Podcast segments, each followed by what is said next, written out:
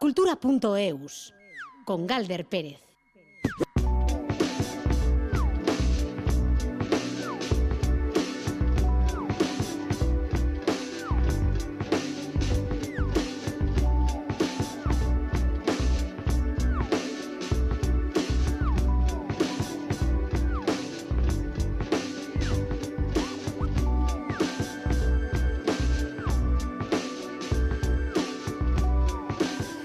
Es lunes, comenzamos la semana con la reflexión de que nuestro mundo nunca ha estado tan estrechamente conectado como lo está hoy, pero al mismo tiempo las personas nunca hemos estado más alejadas las unas de las otras. Y ahí está, la dramática paradoja que nos impone nuestro mundo contemporáneo.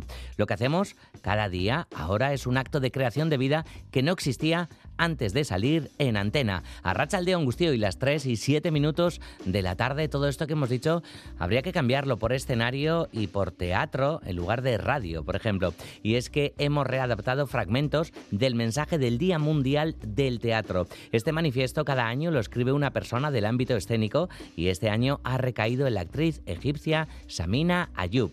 El Día Mundial del Teatro, como no, va a estar hoy muy presente en la sobremesa cultural de Radio Euskadi con Jorge Ibáñez, Maitane Bujedo y Ager Cabeza en la dirección técnica con Ainara Ortiz en la producción de redacción. Este 2023 se espera la publicación del tercer disco de la cantante catalana Ana Andreu. Y antes, pues ella espera lanzar unas cuantas canciones. La primera de ellas es esta quietud con la que hoy comenzamos. Es un poema musicado de María Antonia Salva.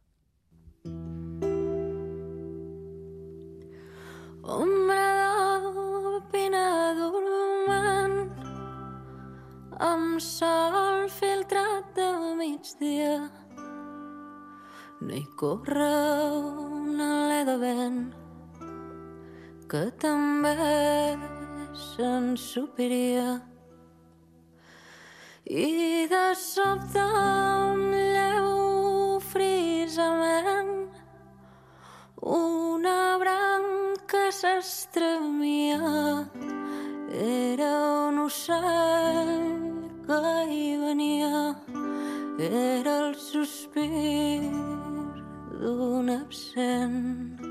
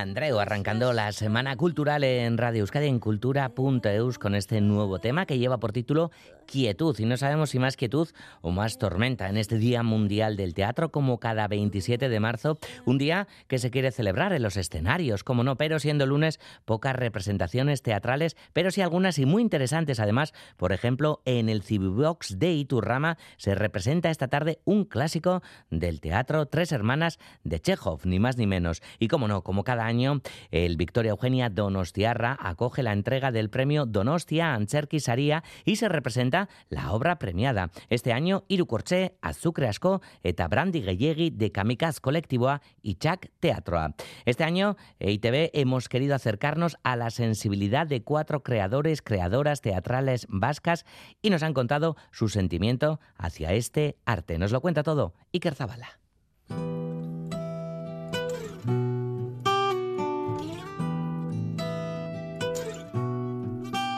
El teatro reivindica cada año su lugar en el mundo el 27 de marzo desde 1962. Aquel primer año el teatro ya parecía estar sobre el alambre, sobrepasado por disciplinas más tecnológicas como la televisión o el cine. De este modo, Jean Cocteau firmaba aquel primer manifiesto con un Si el teatro ha muerto, viva el teatro. 60 años después, la actriz egipcia Samiha Ayub, de 89 años, toma el testigo y asume la portavocía de las millones de personas ligadas al teatro en el mundo. El teatro, en su esencia original, es un acto puramente humano basado en la verdadera esencia de la humanidad, que es la vida. En palabras del gran pionero Konstantin Stanislavski, nunca entres al teatro con barro en los pies. Deja el polvo y la suciedad afuera. Deja tus pequeñas preocupaciones, disputas, pequeñas dificultades con tu ropa exterior. Todas las cosas que arruinan tu vida y desvían tu atención de tu arte en la puerta.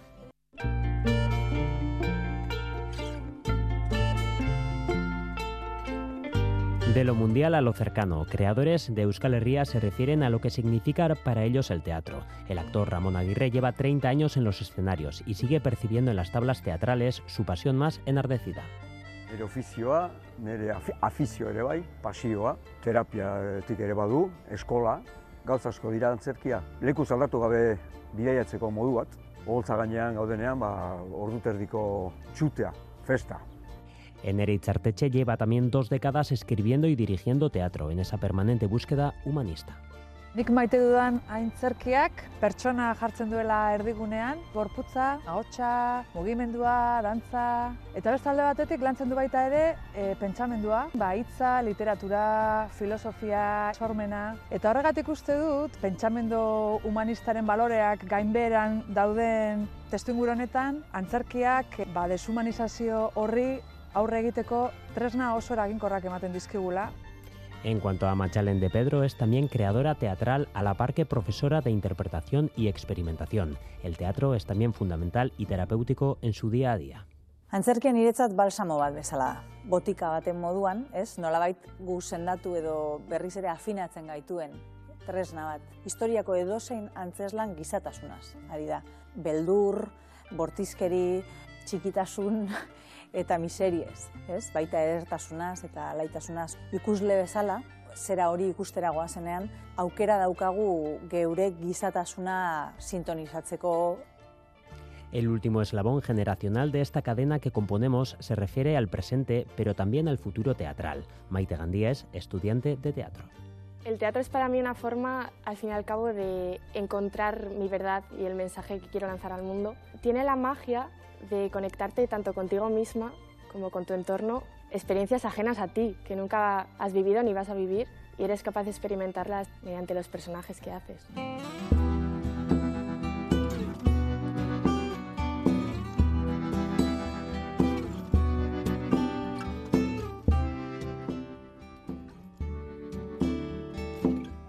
Lo que hacemos en el mundo del teatro como dramaturgos, directores, actores, escenógrafos, poetas, músicos, coreógrafos y técnicos, todos nosotros sin excepción, es un acto de creación de vida que no existía antes de subirnos al escenario.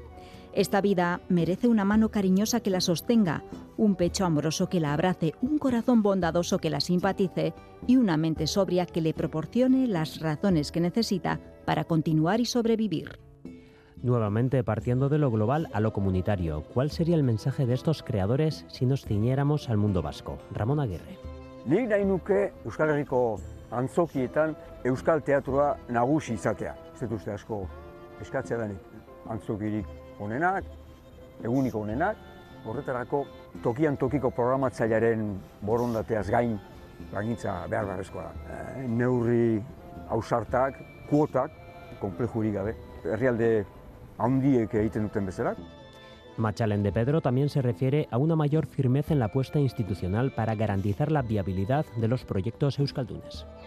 Falta borondate politikoa bultzada hon bat emateko euskal antzerkiari. Euskal antzerkia ere anitza delako eta sortzaile asko daude oso kalidade honekoak, baina horretarako ere testu inguruak sortu behar dira, bitartekoak behar dira, gauza ba, berri, desberdin, experimentalak ere ikus ditzagun, ez?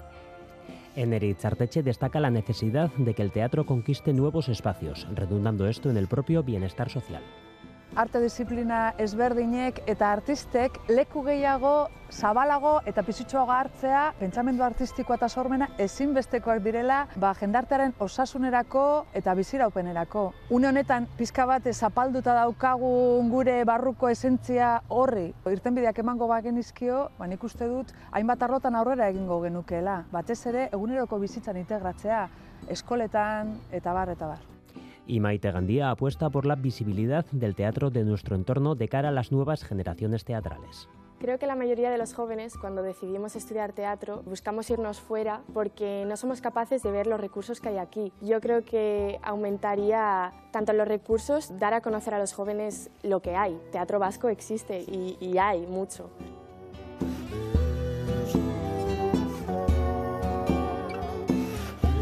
Tendiendo el puente entre aquel lejano 1962 y nuestro 2023, el teatro no solo no ha muerto, sino que sigue reivindicándose como elemento adherido a la propia esencia humana. Samija Ayub aboga por sacar los pies del loazal de las guerras y los conflictos y dejarlos en la puerta de la escena. Esta es nuestra misión. Nosotros, dramaturgos, los portadores de la antorcha de la ilustración, desde la primera aparición del primer actor en el primer escenario, estar al frente para enfrentar todo lo que es feo, sangriento e inhumano. Lo confrontamos con todo lo que es bello, puro y humano. Nosotros tenemos la capacidad de difundir la vida. Propaguémonos juntos por el bien de un mundo y una humanidad. Un día idóneo para que cada uno de nosotros reflexione sobre su forma de relacionarse con ese artefacto complejo, misterioso e inabarcable llamado teatro.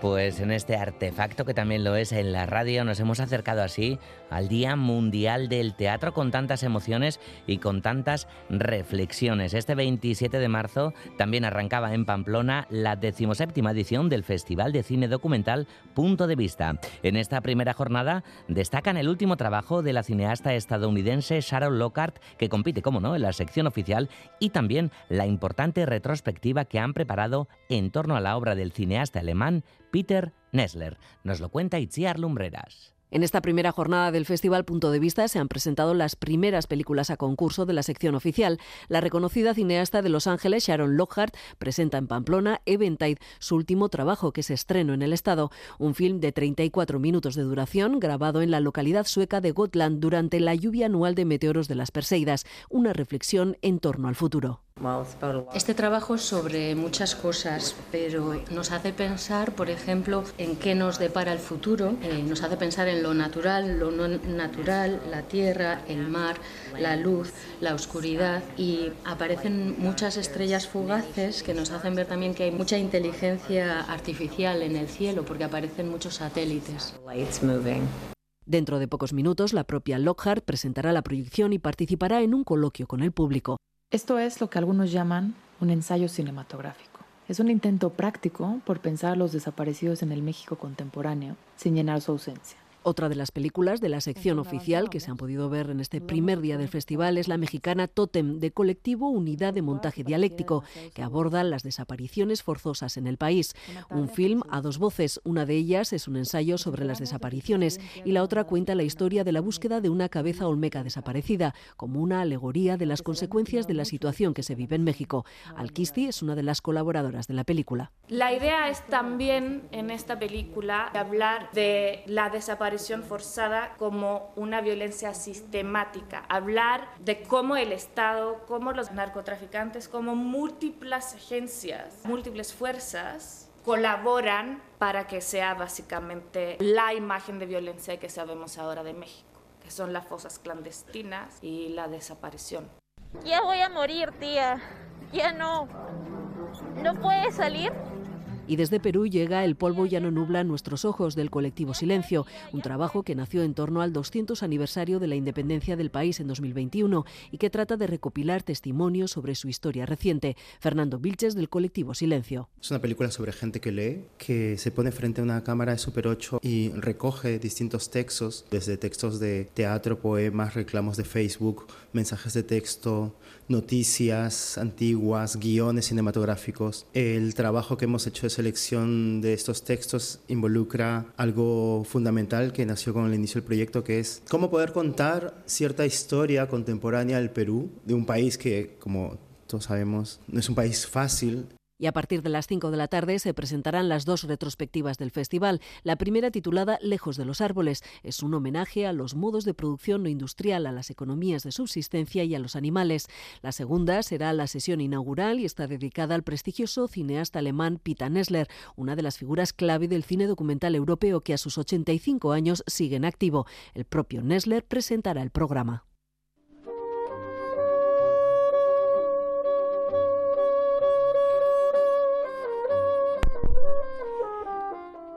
Es un ensayo, es un ensayo de, de Euskadi Orquestra y de ahí este sonido, la orquesta que vive una semana muy especial. Vamos a seguir el Festival Punto de Vista a lo largo de esta semana y también a Euskadi Orquestra que está invitada para liderar la programación del Festival Beethoven, uno de los más importantes de música clásica o el más importante de Polonia. Cada día de esta semana en cultura.eus vamos a vivir las sensaciones de la orquesta con sus postales sonoras. La primera es la de su responsable de comunicación Miren el Osegui que nos cuenta cómo está siendo este lunes. Hoy es día de viaje, 5.500 kilómetros en una semana entre ir y volver a Polonia, cuatro conciertos en ciudades muy importantes como son Varsovia, Wrocław, Cracovia, Katowice, a donde vamos con muchísima ilusión en donde existe una gran expectativa por ver a la orquesta vasca. Vamos como somos embajadores de nuestra cultura y vamos a un país de una enorme tradición cultural y musical. Vamos al Festival Beethoven al que nos han invitado con Robert Treviño en la batuta y un programa muy eh, exigente como es Ravel en la primera parte y Quinta de Mahler en la segunda. Sonará bolero de Ravel en Polonia y la Quinta de Mahler con Euskadi Orquesta cultura.eus.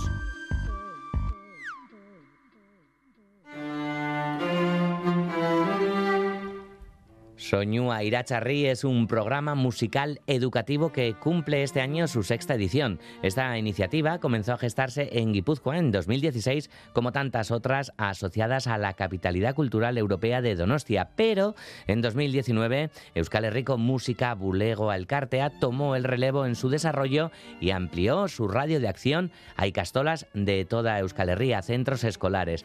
Esta iniciativa está dirigida a alumnas y alumnos de entre 10 y 12 años y tiene como objetivo pues que estas alumnas y alumnos trabajen el conocimiento y la creación de la música contemporánea, un aprendizaje que culmina además con un concierto de, fin de curso. Miquel Chamizo desde Música Bulego a Caixo Sermodus, Miquel Arracha Aldeón. Arracha Alder, ¿qué tal estás? Bueno, felices de, de, saludarte como siempre, Miquel, y además, pues más con, con iniciativas como esta, ¿no? Que, Muchas veces, Miquel, cuando hablamos de, niños, de niñas, ah, pensamos en o decimos la palabra futuro, pero es presente absoluto, ¿no? Absolutamente. Y por eso el valor que tiene esta iniciativa porque lo que se detectó, lo que rápidamente detectó Música Guilla, que es la Asociación de Compositores Vascos que puso en marcha esta iniciativa, como bien has dicho, en 2016, era bueno que al final los, los, niños, entre 10 y 12 años en concreto, que es para los que se hace Soño Era Charri, la música que escuchan la mayoría de las veces en la radio, en la televisión alrededor, pues es música pop, rock, popular, etcétera, está, está muy bien, ¿no? Pero que faltaba a lo mejor una exposición también o una manera de acercarse a otras músicas, ¿no? que puede ser las músicas que no se hacen desde puntos de partida tradicionales o que se mezclan con la imagen, bueno, a otras músicas. ¿no? Por eso esta idea de a Iracharri, de despertar el sonido, eh, que está dentro de los niños, que normalmente a estas edades además están muy abiertos a escuchar músicas diferentes o más atrevidas o experimentales o que juegan con otro tipo de conceptos, ¿no? Y Y, bueno, el proyecto tuvo muy, muy buena acogida en el año 2016. De hecho, fue escogido como uno de los proyectos destacados de la capitalidad cultural de Donostia. Y como bien has explicado, pues tres años más tarde, Música Bulegoa, visto el potencial que tenía y, los buenos resultados, pues decidió cogerlo a su cargo este proyecto y ya pues vamos por la sexta edición, que es la que se está celebrando este año en dos y de, y de Gasteiz. Mm. Claro, cuando decimos despertar, Miquel, eh, es un montón de cosas eh, realmente, ¿no? Porque sobre todo lo que, lo que puede ser es experimentar, jugar, ¿no? Redescubrir y, dejarse llevar, ¿no? En un amplísimo sentido, ¿no? De, de, la propia música. Sí, eso es. El trabajo que hacen eh, el grupo, el equipo de trabajo, que ahora hablaréis con Xavi y él lo explicará también más en, en detalle, ¿no? Pero es un trabajo directo con los alumnos, porque lo que se plantea es trabajar con grupos de, de niños en sus propios colegios y eh, niños que no tienen por qué haber tenido necesariamente una formación musical específica, ¿eh? no tienen que ser músicos.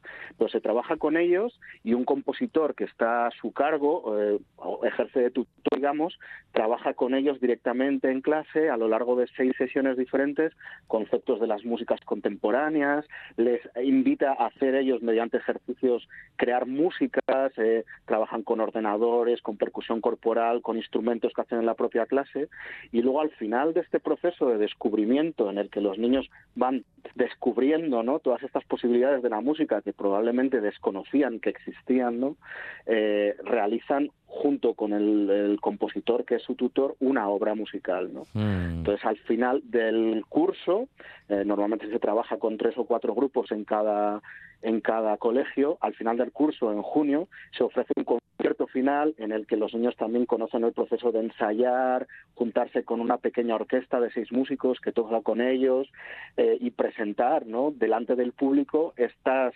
creaciones que son de ellos también en, en, en colaboración con el compositor, ¿no? Entonces lo que intentamos desde Música Bulegoa también con este proyecto es que conozcan todas las facetas del trabajo del músico, ¿no? Que no solamente componer o tocar, sino también ensayar, organizarse, bueno, pues eh, todo el proceso, ¿no? Que entren en contacto.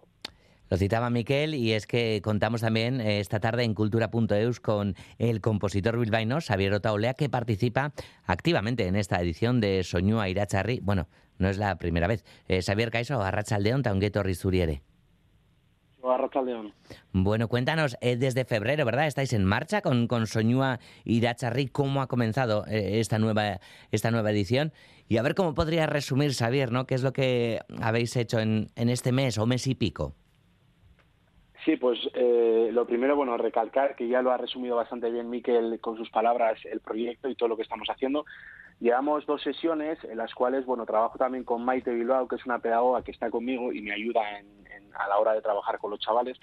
Lo más importante es que ellos tienen una experiencia a la hora de, de, de vender sus, eh, sus, ideas musicales que yo no las puedo tener.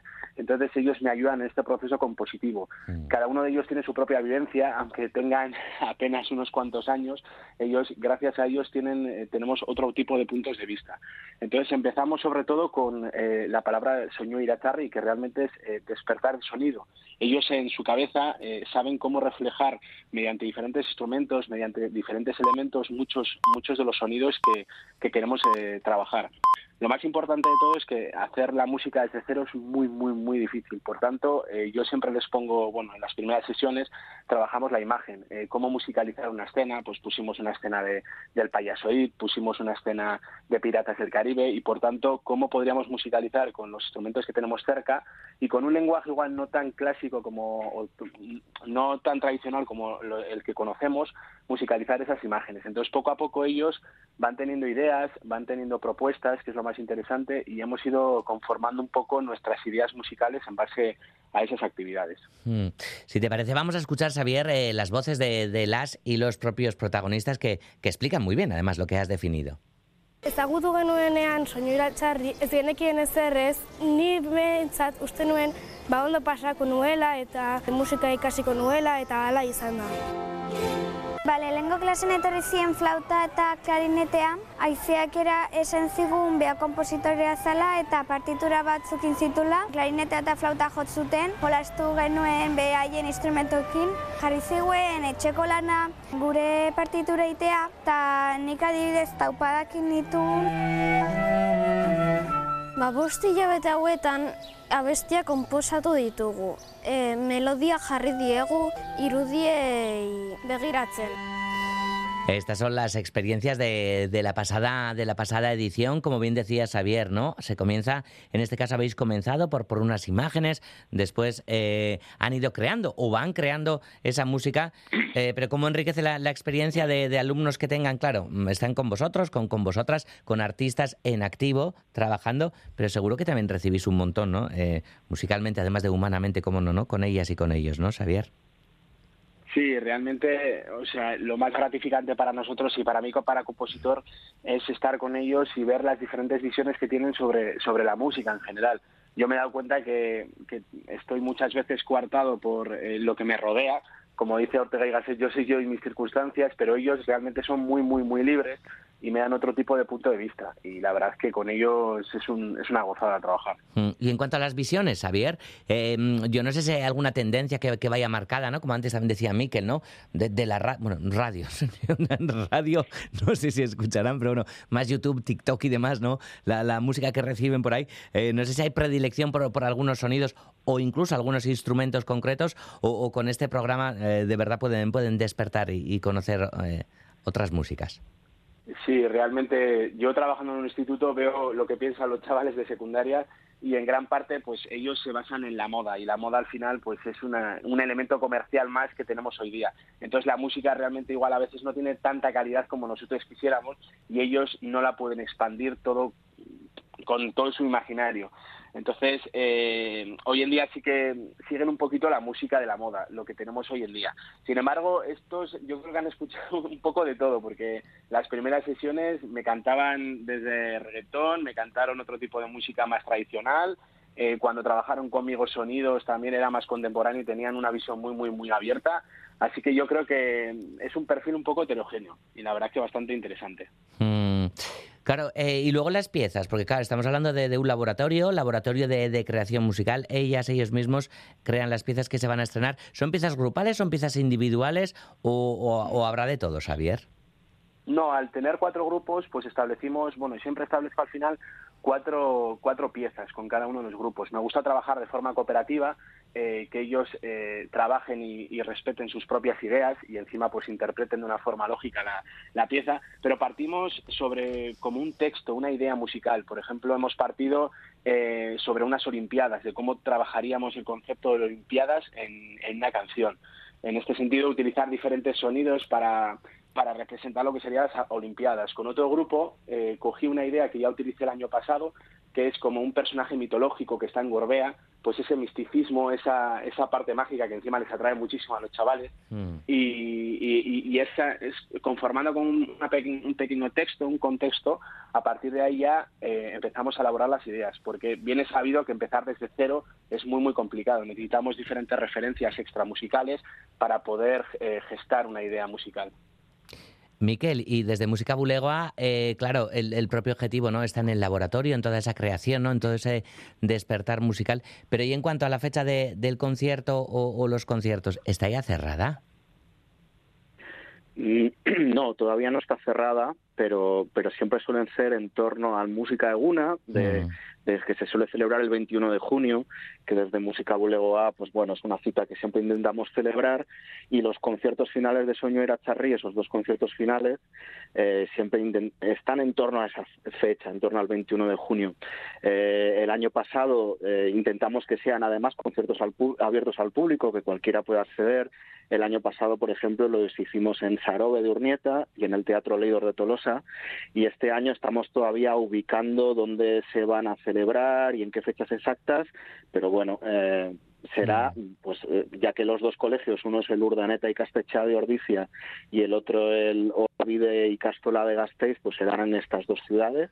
Mm. Eh, ya lo anunciaremos un poquito más adelante cuando lo tengamos cerrado y, y Claro, y para que vosotros también lo podáis anunciar. Sí, claro. no, o incluso es que me, no para, para las personas no interesadas en la música y que nos guste, no sé, me parece desde luego una propuesta súper súper atractiva que seguro que también nos puede despertar un montón de cosas. Pues eh, Miquel Chamizo desde, desde Música Bulegua y Xavier eh, Otaolea, compositor y bueno, pues agente activo de este programa musical educativo, de este laboratorio Soñó Iracharri. Os agradecemos mucho a ambos que hayáis estado estos minutos en cultura.eus de, de Radio Euskadi, dándonos buena cuenta del proyecto. Es que ricasco vi hoy. Mi. Es que ricasco. Cultura.eus.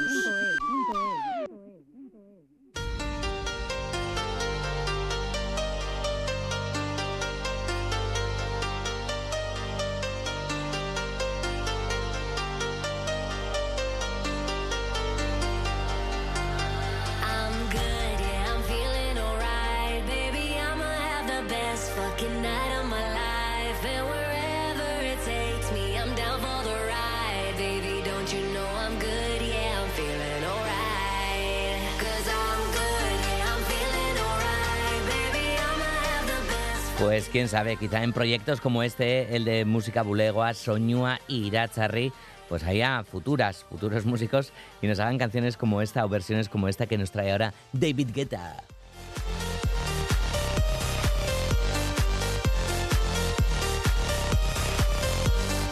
El Museo de Bellas Artes de Bilbao muestra parte de las obras restauradas durante el año pasado en el marco del programa Iberdrola de conversación y conservación, perdón, y restauración. Bueno, también es una conversación, cómo no, la conservación y hay que conversar mucho para conservar mucho. Bueno, en Menudo Jardín nos hemos metido y hemos salido. Además de, de las obras restauradas, el museo muestra una serie de trabajos donados recientemente por el artista bilbaíno Chomin Badiola. Nos vamos de museo con Juan Ramón Martiarena.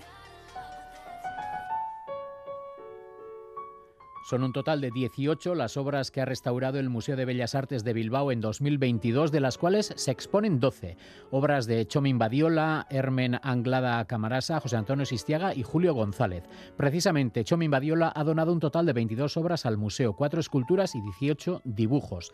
De las cuatro piezas escultóricas, dos han sido restauradas y las otras dos han sido reeditadas por Badiola.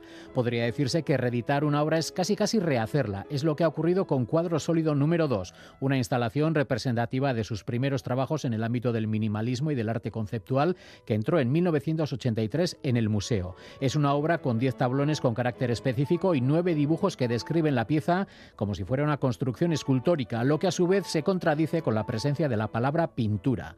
La instalación ha sido sometida a un nuevo montaje y enmarcado y en dos casos se ha cometido un trabajo específico de restauración. El tratamiento ha sido definido junto con el artista, Marijose Ruiz Ozaeta, jefa del Departamento de Conservación y Restauración del museo.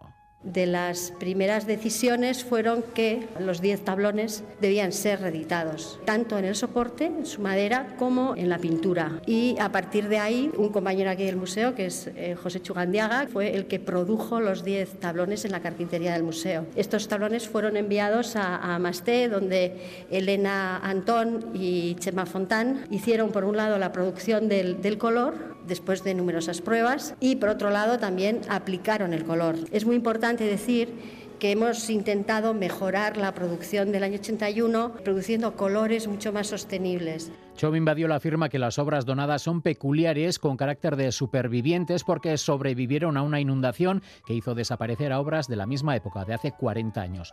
Badiola afirma que son obras que corresponden a un momento muy importante en su trayectoria y en la del arte vasco. Son obras hechas mientras estudiaba Bellas Artes y corresponden a un momento muy importante, no solo en mi, en mi trayectoria, sino también en la trayectoria también del arte vasco, puesto que en ese momento en la facultad coincidimos una serie de personas como eran Darío Urzay, Jesús María Azcano, José Chavete, Inés Medina, Juan Luis Moraza, María José Fernández, es decir, una generación que luego a lo largo de los años ha venido trabajando de una manera muy intensa y muy significativa y yo tuve la suerte, digamos, de coincidir con todos ellos. Una época también importante en el arte vasco, en palabras de Badiola, porque es un momento de reacción a la tradición de la escultura vasca que estaba ligada a un cierto carácter mítico y de manejo de materiales, y Badiola y su generación se instaló en el debate del minimalismo y el arte conceptual.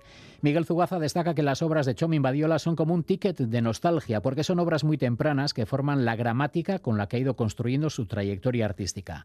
De las 18 obras restauradas en 2022, fotos, las 12 que muestra el museo, se exhiben en el hall y las salas 6, 7 y 19. Los cines Florida de Gasteiz van a acoger esta semana una proyección muy especial. El Archivo de Álava ha recuperado ocho películas rodadas entre los años 1954 y 1959 por Juan Manuel Alfaro. Bueno, pues el archivo ha digitalizado las cintas y antes de publicarlas en internet, como decimos, proyección este jueves en Los Florida. Nos lo cuenta Mailu Odriozola.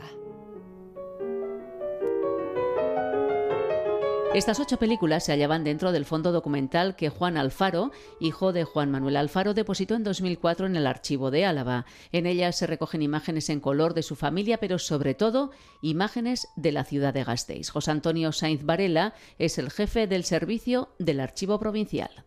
Esas imágenes además recogen, aparte de la vida familiar de, los Alfaro, aspectos de Vitoria que conocíamos, que habíamos visto en fotos, en blanco y negro, estática, pero que ahora de repente todo se movía y en color. La calle Dato, las obras de apertura de la calle General Álava, la Catedral Nueva aún sin terminar, la llegada de la Vuelta Ciclista España a Vitoria en el 56, el partido que juega a la contra el Fútbol Club Barcelona en 1954 cuando asciende a Primera División, que queda 2-2 con Mendizorroza lleno, con el antiguo Mendizorroza, son documentos gráficos de gran valor histórico que han digitalizado para su consulta, pero más allá de este proceso, desde la Diputación Foral pretenden dar visibilidad a estas imágenes y es por ello que han creado una película de una hora de duración que se proyectará gratuitamente en los cines Florida.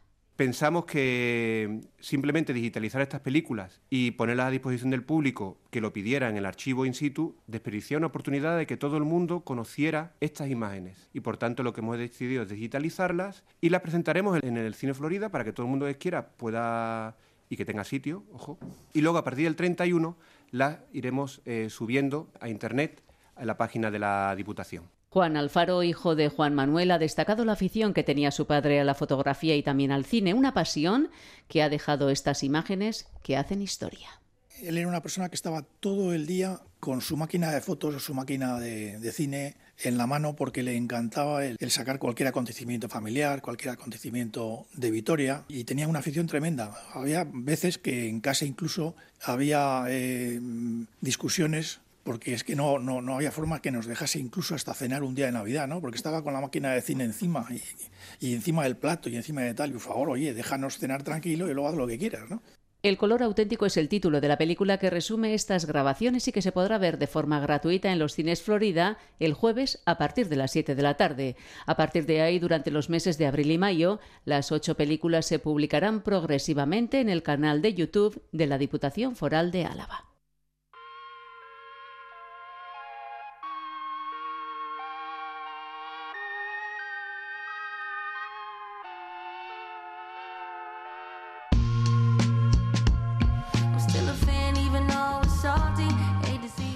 Escritora y guionista Aintzane Usandizaga acaba de publicar con Elcar su nueva novela Somorro tú, que reúne cinco historias que tienen autonomía propia, pero que al mismo tiempo conforman el relato de lo que puede ser una novela, porque los personajes se entrelazan y son presentados desde diferentes perspectivas. El título ya presenta las relaciones y la forma de actuar de los mismos, de las mismas, porque la autora juega con ese significado de Somorro tú, en referencia al insecto que se y reaparece y al mismo tiempo al disfraz, a la forma de actuar de cada cual que cada cual elige según el momento y la persona con la que se relaciona. Sobre todo ello ha charlado a Inchane Usandizaga con nuestra compañera Marijose Uría.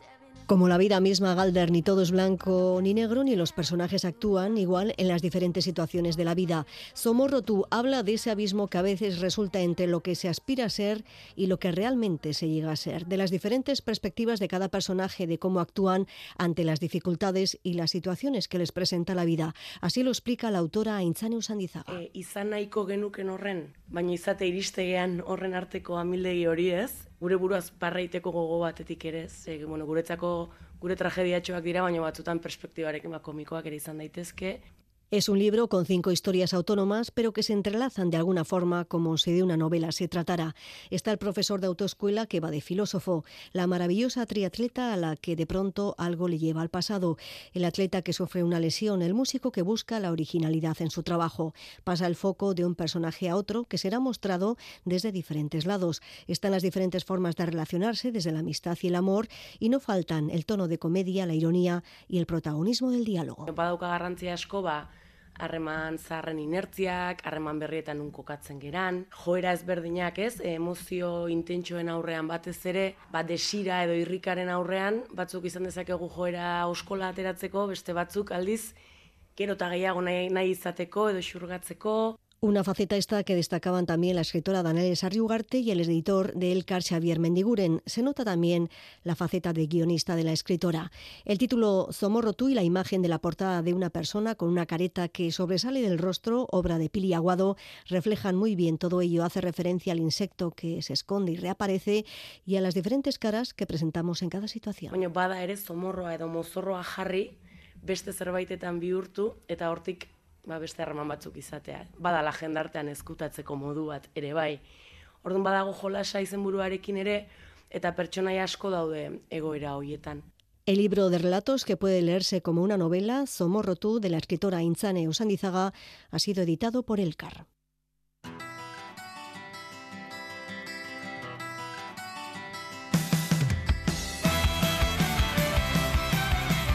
13 minutos para las 4 de la tarde vamos a abrir nuestra ventana quincenal a Eusko y Cascunza y para ello, como hacemos siempre, saludamos a Juan Aguirre. ¿Qué tal, Juan? Arracha Aldeón. Arracha Aldeón, Galder. Bueno, pues eh, vamos a, a, recuperar, bueno, de alguna manera, una convocatoria, ¿verdad?, de la que ya hemos hablado, pero con un nuevo invitado y un nuevo tema, Juan. Eso es. Hablamos hace 15 días y comentábamos que hasta este próximo viernes, 31 de marzo, está abierto el plazo de admisión de proyectos a la edición de este año del Eusko y Cascuncha Laboral Cucha Gastesaría, que está pues, destinado a proyectos que pueden ser de creación, de investigación en humanidades, en cultura, en artes o en ciencias sociales, siempre que vengan presentados por jóvenes individualmente o en grupo de hasta 35 años. Efectivamente, hace 15 días fuimos a la ganadora del premio en 2021 y este año eh, perdón, y el del año pasado, el de, que está trabajando ahora en ello, es a quien vamos a tener hoy, a quien vamos a conocer, que es otra, una, cosa bastante diferente al caso anterior. Es un proyecto creativo que liga la investigación antropológica con la identidad, la memoria colectiva, en torno a las relaciones entre vascos e islandeses durante la época en que nuestros arranchales ascendían hasta el norte, hasta las frías aguas del Atlántico Norte, persiguiendo a las codiciadas ballenas. Bueno, pues este, este joven ganador del premio el pasado año se llama Imanol Zubiauz, es doctor en Bellas Artes desde hace ya tres años, máster en arte contemporáneo, tecnológico y eh, performativo y autor de trabajos de investigación, de publicaciones, creador con proyectos en los que se sirve mucho de la luz de una forma experimental y bueno, en este sentido, el jurado del premio, cuando dio su fallo, destacó la sólida formación de este y la trayectoria ya mm, importante de este joven artista de 33 años. Así que saludamos a Imanol. Caixo Imanol, la racha Aldeón. Caixo, Arracha Aldeón. Arracha Aldeón, Imanol, bienvenido. Bueno, hablemos de tu proyecto, que, en el que ganaste el año pasado el premio, cómo surgió. ¿Venías ya trabajando en ello anteriormente o, lo, diseñaste, lo pensaste de cara, de cara a presentarte a este, a este premio? El proyecto empezó como en el 2020, así, cuando estaba preparando un viaje a Islandia con unos amigos y normalmente eh, me gusta leer acerca del contexto del país y para conocer un poco más la historia y demás. Y encontré eh, información así un poco por casualidad que vinculaba eh, la cultura de allí con la, con la nuestra. Y entonces fue una sorpresa que me cautivó un montón y a partir de ahí empecé a plantear ya el proyecto y después ya vino la convocatoria de Euskal Cascunta y vi como muy idóneo también ¿no? la propuesta. Mm. Bueno, alguna pista ya, nos vas dando, Imanol, pero si te parece, pues vamos a ir con, ese contexto histórico que, planteas en el proyecto, esa época en la que balleneros vascos subían hasta las proximidades del Círculo Polar Ártico a cazar, a cazar al gran cetáceo. Eh, ¿de qué siglos estamos hablando y de qué modo se, se produjo o se producía ¿no? ese, ese contacto entre vascos e islandeses? Sí, se conoce que primero por nuestra costa, ¿no? Eh, se empezó a cazar eh, la ballena sobre el siglo XII y después, bueno, se extendió hasta imaginaros, hasta el siglo XVIII y en ocasionalmente hasta el XIX. Eh, primero, pues desde Holanda, Alemania, también Islandia, ¿no? Ternua y Labrador.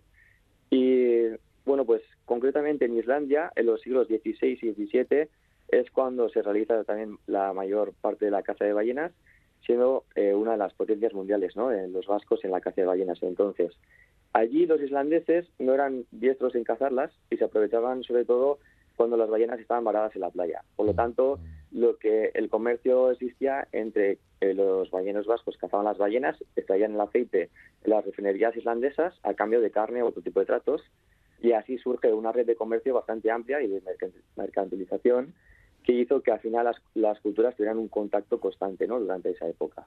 Mm, pero fue un contacto, Imanol, mm, ambiguo, porque inicialmente efectivamente hubo mm, comercio, hubo buena acogida, pero a partir de cierto momento, no sé si nos, nos, podemos explicar por qué esta relación se rompió, se volvió incluso dramática, ¿no? Recordamos que hace unos años, en el 2015, salió mucho en prensa porque fue muy llamativo que se celebrara un acto de hermanamiento entre los pueblos islandés y vasco, con el que además se quiso simbolizar la derogación de una ley que existía, que estaba todavía vigente en el país, en aquel país isleño, que permitía a los islandeses matar a los arranchales vascos que llegaran a sus costas sin que la justicia considerase esto un delito. ¿eh? Y ese, bueno, ese acto de 2015 vino un poco a cerrar, a zanjar esta cuestión. Bueno, eh, ¿qué sabemos, Imanol, de este episodio? Por lo visto, tan, tan trágico, además de, increíble. Mm. Sí, sabemos que, bueno, em, también nos tenemos que posicionar con viendo a Islandia en la época entonces, ¿no? O sea, no es como, no, era nada que ver como es ahora. Era un, país que em, prácticamente era, pues tenía muchas, eh, muchos saqueos, era como, realmente era bastante pobre y estaba dividida en, por terratenientes que están al amparo de Cristian IV, que era el rey de Dinamarca por entonces. Entonces lo que sucede es que hay muchos tratos que se hacen a espaldas del rey de Dinamarca para no pagar como las, las tasas y demás. Y bueno, entonces en este contexto también, claro, el, aceite de, ballena, el saín, em, el valor del tonel era muy amplio. Entonces eh, se estaban como comercializando con algo que era muy muy caro y, y bueno, pues eh, realmente Cristian IV para un poco también eh, evitar también los saqueos o, bueno, de alguna forma conseguir eh, aprovecharse también de esas tasas y de todo ese ese contexto en el que estaba pasando, pues implanta una ley en el en 1615 en el que, bueno, pues se permite, ¿no? Eh, si hay algún tipo de disputa o algún tipo de, de riña que, que se pueda matar con impunidad y eso al final se queda como un poco en el olvido y llega, llega hasta el 2015 cuando se deroga la ley. Wow, es que es una, es una pasada. absolutamente, absolutamente. Pero bueno, Imanol, no, eh, parece que hasta entonces, bueno, después también, a ver, cuidado, ¿no? Pero sí, es cierto. Pacíficas. son pacíficas. Son pacíficas las relaciones entre islandeses y, y, vascos, ¿no? Y prueba, prueba de todo ello es, por ejemplo, que, que incluso, ¿no? Eh, pues elaboraron juntos un lenguaje muy particular de lo que, pues, han quedado algunos documentos de, de valor histórico y filológico. Bueno, cuéntanos, Imanol. Sí, ahí sustentado en el comercio, eh, a través de esa conexión ¿no? de, las dos culturas, eh, se formaliza un idioma que, bueno, no llega a ser un idioma, es como una lengua auxiliar en la mm. que se llama Pidgin, ¿no? Cualquier idioma que necesita, pues, eh, bueno, cuando hay dos tipos de, de grupos que tienen un idioma diferente para poder comunicarse, a veces surge como un idioma, una lengua auxiliar que es muy simple y sirve para poder entenderse sin utilizar las señas. A eso se llama Pitkin. En este caso, pues eh, hablamos del Pitkin vasco-islandés, ¿no? De esa época. Y eh, es eh, de entonces, del siglo XVII, quedan como esos vestigios en forma de cuatro manuscritos, pues son como glosarios, ¿no? Traducciones y palabras o frases, en el que hay mm, inicialmente una traducción del euskera al islandés, y luego hay como ese Pitkin al final de uno de los, de los glosarios, que sería vocábula vizcaica, eh, en el que al final pues ya vemos escrito eh, unas frases siempre con la semántico, el contenido semántico eh, en lo que es la compra-venta, pero bueno, vemos ya cómo se mezclan el euskera con islandés, hay algún, hay también matices que son ingleses y franceses porque al final el comercio siempre está un poco todo mezclado, pero mayor, o sea, mayormente el euskera con el islandés.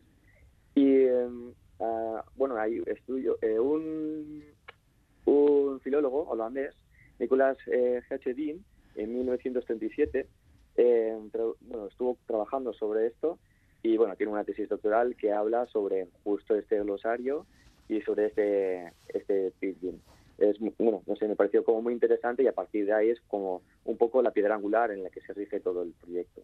Sí, al parecer eh, muchos de los términos en euskera pertenecen al dialecto labortano, ¿verdad? De lo que se deduce que la mayoría de los mm, balleneros procedían de los puertos pues, de San Juan de Luz o por ahí. Y en los, bueno, en los glosarios se recogen palabras sueltas, pues, pues evidentemente de origen vasco, ¿no?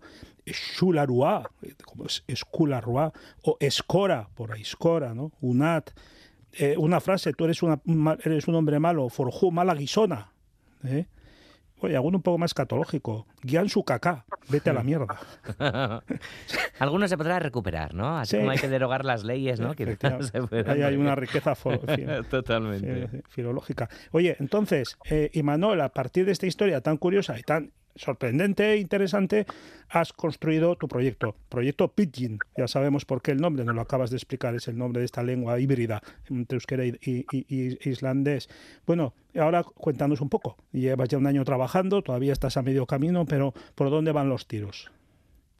Sí, como has dicho al principio también, pues el proyecto está ligado a la investigación antropológica, a la identidad y a la memoria colectiva, ¿no? Eh, de alguna forma lo que utilizo es las andanzas de un personaje ficticio, pero que lo ubico temporal y geográficamente, ¿no? En, Islandia, siendo un ballenero vasco y yendo a cazar en esa época.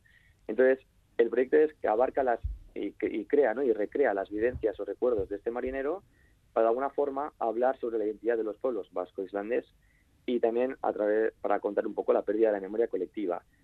pasa mucho que yo, por ejemplo, cuando he preguntado como en mi círculo eh, de amigos y también por la universidad, ¿no? Si alguien conoce qué es el Pitcairn vasco islandés, es como que normalmente la gente no lo conoce, ¿no? Entonces nos hemos perdido como una parte de la historia que tiene que ver con nuestra cultura en la que a través del arte se puede como recuperar, ¿no? Y entonces de eso se trata un poco. Eh, también quiero analizar e integrar como aspectos culturales no solo eh, la parte no pues de tener con la con las ballenas y su matanza y demás, sino también con el folclore, la mitología y las tradiciones propias de ambos, de ambos pueblos, ¿no?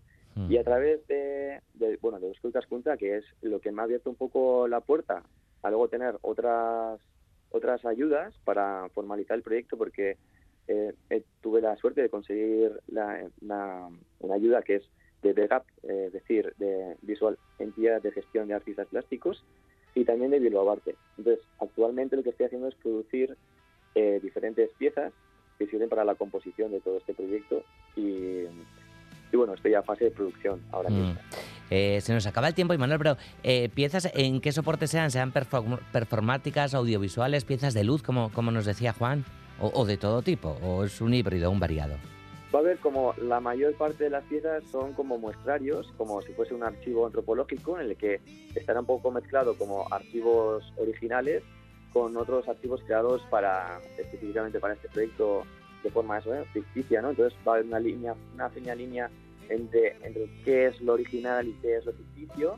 Entonces van como esos muebles, pero luego también otras partes eh, en las que son como instalaciones como más contemporáneas, digamos, en el sentido de que va a haber mezclado proyección con hay algunas formas que remitan más a chalupas. Vale, que es más de... Y Manuel, se nos acaba el tiempo, pero seguiremos la pista de este proyecto Pidgin, desde luego, tan interesante. Y Manuel Zubiaut, milla milla izquierda, besar cada andibat. Gerbarte. Agur. Juan, y a ti creo que te, esperamos después de las vacaciones de Semana Santa, compañero. Aquí estaremos. Hablamos, Gerbarte, besar cada andibat. Es que recasco. Biararte guztiei, ondo izan.